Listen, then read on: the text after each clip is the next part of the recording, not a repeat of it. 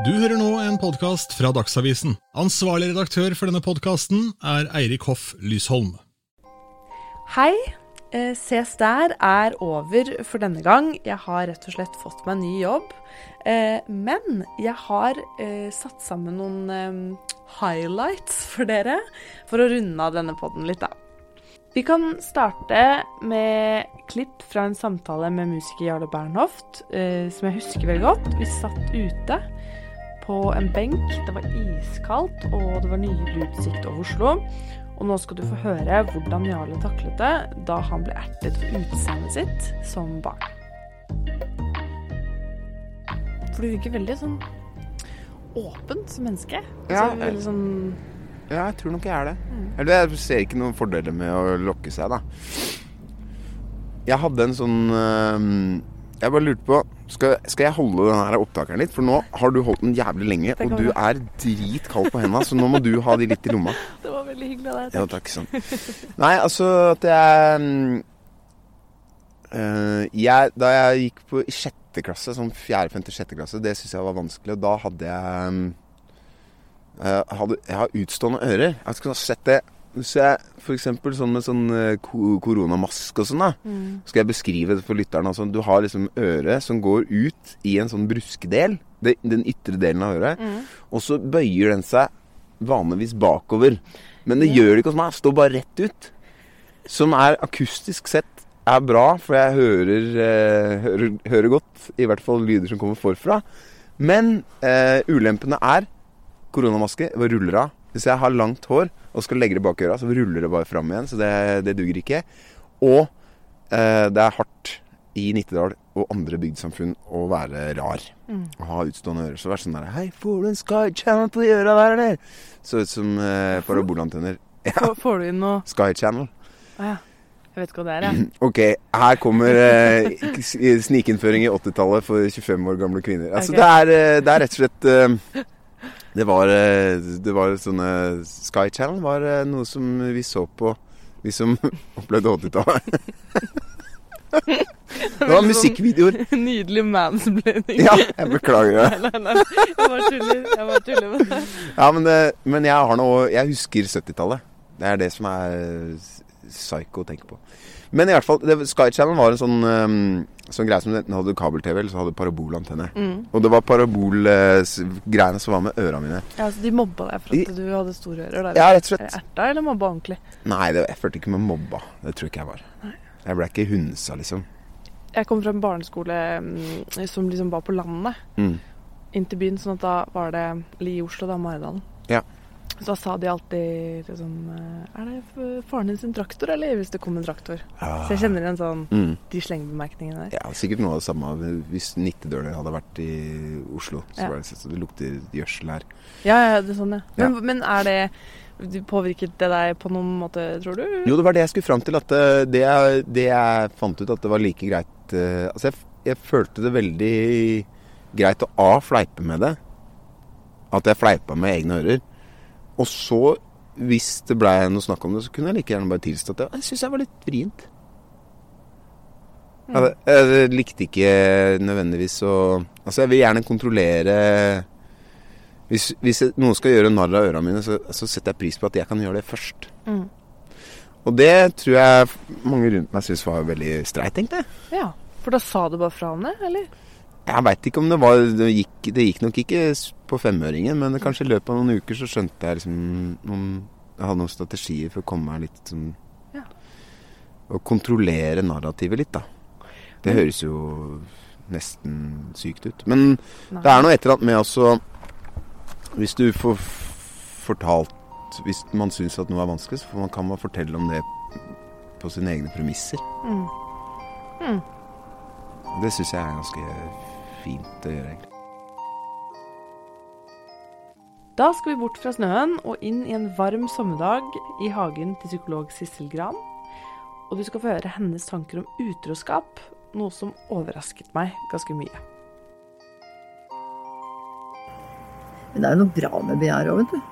For uten begjæret hadde vi ikke sittet her, for da hadde vi vært utdødd smart. Åssen da? Ja, ikke sant? Fordi hvis ikke vi hadde begjært noe eller noen, så hadde vi jo dovnet hen. Så det å begjære det, og liksom å ville noe ordentlig, ville noe intenst Hva er det farligere å begjære, da? At det kan ta deg til steder du ikke Noe i deg vet at ikke du skal gå. Har du et eksempel på det? Ja. Jeg har skrevet en bok om det, vet du, som heter 'Men størst av alt er begjæret'. Det er jo et lite pek da, til Paulus. Størst av alt er kjærligheten. Ja. Størst blant dem er kjærligheten, som det står i Bibelen. Å ja. For det er ikke alltid sånn at eh, Nei, begjæret kan jo noen ganger gjøre at du blir grenseoverskridende. Altså at du Du kan være i et ganske rimelig godt forhold, og så treffer du dessverre gamlekjæresten på fest, eller en veldig attraktiv person som syns at du er veldig attraktiv, og så kan begjæret virkelig slå til i deg, altså på en sånn måte at du blir med på ting du tenkte at det skulle du aldri gjøre. Det er derfor mange sier 'jeg skjønner ikke hva som gikk av meg'. Og hvordan kunne jeg gjøre det også? Jeg som har en helt ålreit kjæreste. For det blir jo dommedag i heimen når du kommer hjem og skal fortelle det der. Hvis du forteller det. Burde man fortelle om utroskap? Ikke alltid. Det vil jeg si. Er det sant? For iallfall da må du ta sjansen, da du tar sjansen, da må du ta sjansen på at eh, da går du inn i det uforutsigbare, fordi kjæresten vil sjelden tolerere det. Men det jeg har tenkt på, er fortjener ikke kjæresten da å kunne ta et valg på om vedkommende har lyst til å være i et forhold med en sånn Så hvis du er modig og, og, og, og sterke etiske verdier, så er det klart at da går det an å fortelle det. At du var på et seminar eller på Eller du var på fest med venner, og der var det en person som du Som du eh, hadde en seksuelt eller en affære med. Kan jo være en engangsforeteelse. Men mange vil jo føle veldig sterkt at jeg må bare fortelle det. Men det kan også være egoistisk på et sett? At man vil fortelle fordi man ikke klarer å liksom holde det inni seg? Jeg syns ikke det, men jeg, jeg tror veldig mange kjenner at vi må spille med åpne kort i dette forholdet. Jeg må fortelle det. Det kan også være hevn, selvfølgelig. Hvis den andre har vært utro mot deg før, så kan det være en måte å ta igjen på for å forsøke å utligne den uretten. Men det, det er ikke noe helt ja eller helt nei på spørsmålet, vet du. Det er et skikkelig dilemma. Noen ganger så rensker jo det veldig opp, og det underlige, vet du, det er jo at Kanskje hvis forholdet har dovnet litt hen, da.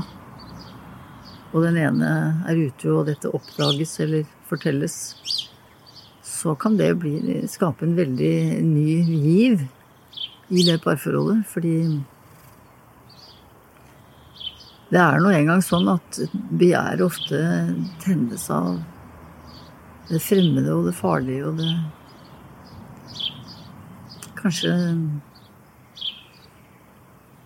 og hvis du plutselig oppdager at partneren din har vært utro, partneren din som kanskje har liksom vært et litt sånn tamdyr for deg da, i veldig lang tid, så vil du plutselig kunne oppleve at jøss det, Jeg lever jo ikke sammen med et tamdyr, jeg lever jo sammen med en person som en annen har begjært veldig intenst. Altså, partneren min er faktisk en som kan være grenseoverskridende og gjøre farlige ting. Det kan få lampen til å lyse, skjønner du. Det kan eh, utløse begjær i deg. Så jeg har sittet med mange par hvor utroskap har vært problemet, eller som har brakt dem til meg. da. Hvor de til sin store sånn forundring har fått tilbake et sexliv som var steindødt. Eh, Fordi det plutselig ble liv i begge to. Men det er ikke, vi anbefaler ikke utroskap. Nei. Ester Perel heter en terapeut som har skrevet mye om det og snakket om det. Hun har en veldig fin podkast også. Hun sier vi anbe altså utroskap kan sparker liv i et forhold igjen hvor ting har liksom gått i dvale. Men vi anbefaler utroskap like lite som vi anbefaler kreft, sier hun. For så vidt er jeg enig i det.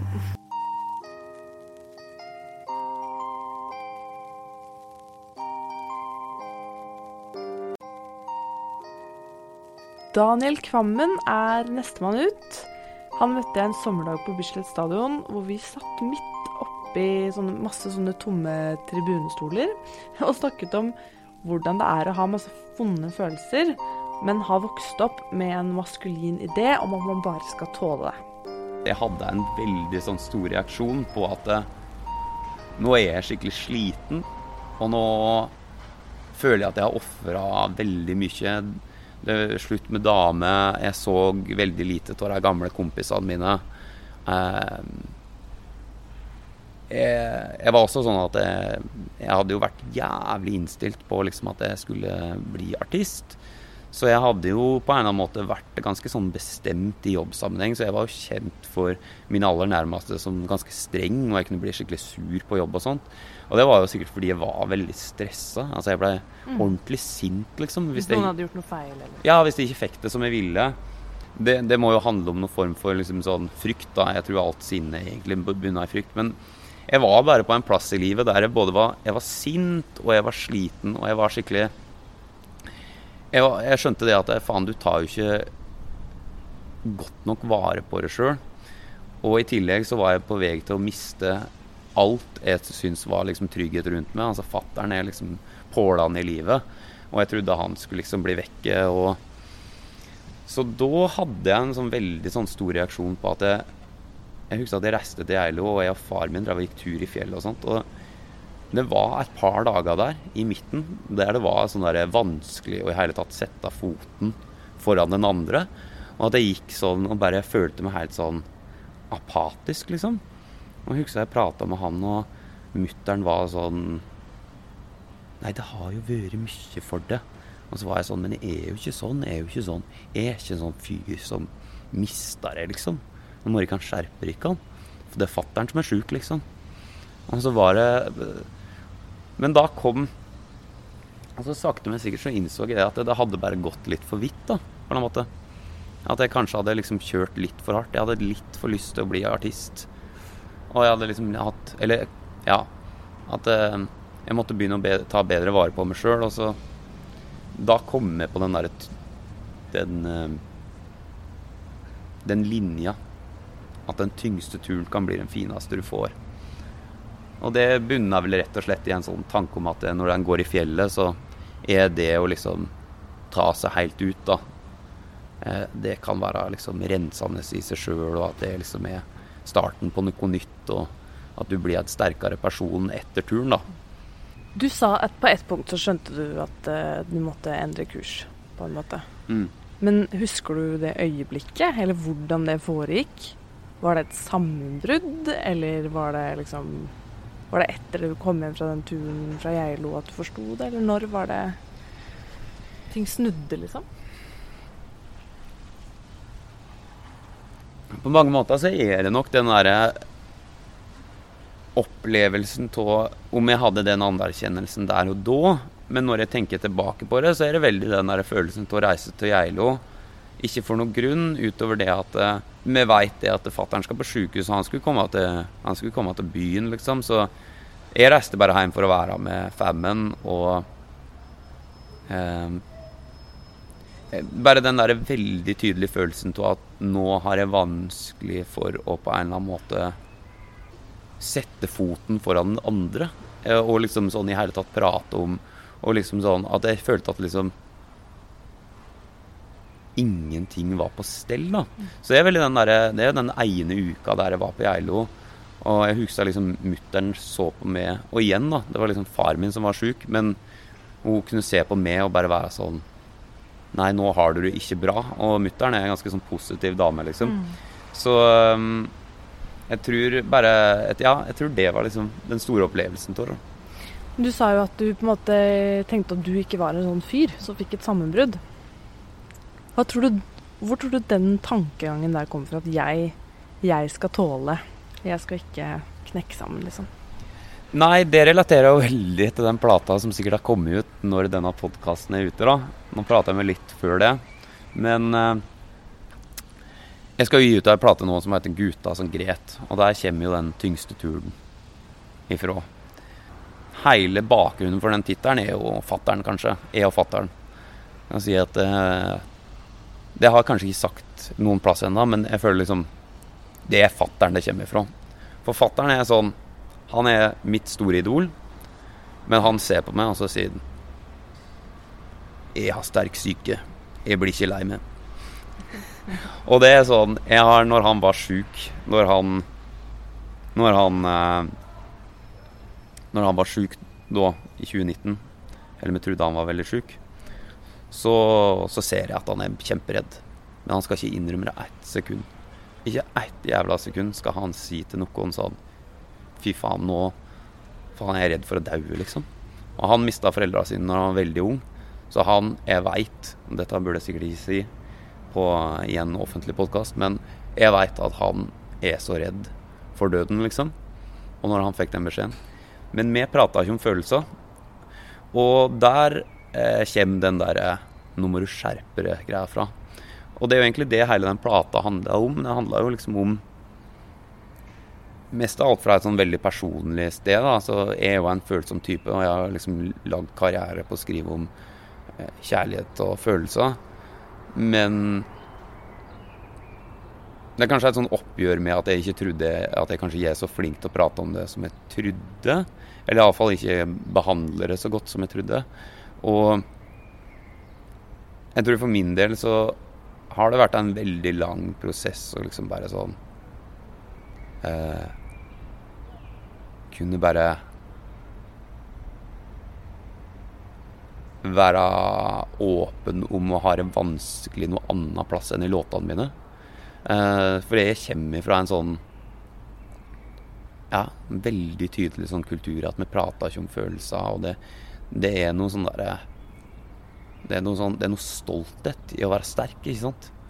Har du snakka med faren din om disse tingene? Har du snakka om han, at dere ikke snakker om følelser? Eller påpekt at det er litt uh, morsomt at han sier at han er sterk syke? altså, nei, og det kommer jeg heller ikke til å gjøre. Det, det, Hvorfor ikke? Han hører på, han er selvfølgelig som han kommer sikkert til å høre dette. Det får være den praten. Helt seriøst, han får med seg alt.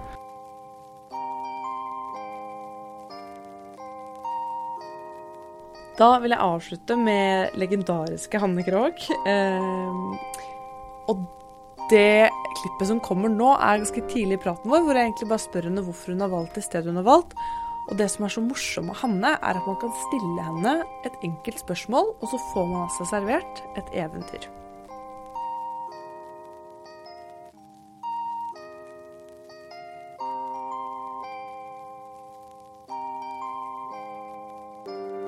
Skal vi sitte her, Hanne? Er det, Ja, gjerne. er det ok? Gjerne deilig med skygge. Ja, en deilig dag, da. En veldig deilig dag. Oi, Kan ikke du fortelle litt om hvorfor du valgte Du kunne jo velge fritt. Du valgte Nissen som møteplass. Jo, fordi at du sa at eh, du ville ha meg et sted hvor, som hadde vært vesentlig i livet mitt, og jeg finner igjen meg selv. Og det gjør jeg så til de grader her på Nissen. Fordi jeg flyttet jo alene fra Haugesund til, eh, til Oslo da jeg var 16 år gammel, altså etter ungdomsskolen. Fordi at da var Nissen den eneste skolen i landet som hadde dramalinje. Og det var egentlig skuespiller jeg opprinnelig hadde tenkt å bli. Så jeg, eh, jeg reiste hit og flyttet på hybel hos en sint, gammel pensjonert dame på Sagene. Og, og første dagen i skolegården så står det en fike ved siden av meg. Der var det akkurat her hvor vi er nå, skolegården. Rektor Aalen skulle holde velkommentale, og da sto, sto jeg med litt sånn pyntet, litt sånn kålfløyelsbukser og ja, litt pastellfarver og greier, som vi gjorde i Haugesund. Pyntet oss første dag på skolen. Og ved siden av meg sto det en jente med fots i poncho og hyssing i håret og en virkelig sånn velbrukt skinnryggsekk. Og jeg hadde jo allerede eh, plassert meg litt i rampelyset. Jeg hadde vunnet eh, Melodi Grand Prix året før som 15-åring. Så hun ser på meg og sier at ja, du skal vel begynne på musikklinjen du vel? Så jeg nei, så jeg skal begynne på drama, og det ser jeg at det skal du også. Og fra det øyeblikket var vi bestevenninner. Og da vi kom inn i klasserommet, så trodde alle at vi hadde vært venninner siden barnehagen. Og det var Minken Fosheim. Nei, du tuller? Mm, så- nå fikk jeg frysninger på ryggen. og hadde det ikke vært for Minken, så vet jeg ikke om jeg hadde, hadde blitt igjen i Oslo. Fordi hun og hennes familie ble min familie. Den familien jeg virkelig trengte. Og så var det jo så grusomt. Det er jo nesten akkurat tre år siden nå at Minken forlot oss. Og det, det syns jeg Siri Senje, som også gikk i klassen vår, som er professor i manusskriving på Westerdal, forresten. Hun skrev sånn nydelig nekrolog, og hun beskrev det helt riktig. Hun sa at minken var vårt leirbål. Og jeg savner henne hver eneste dag. Men denne skolen ble mitt liv. Men Hva du er ditt forhold til nissen? er det tilsvarende? Det er ikke tilsvarende. Det er ikke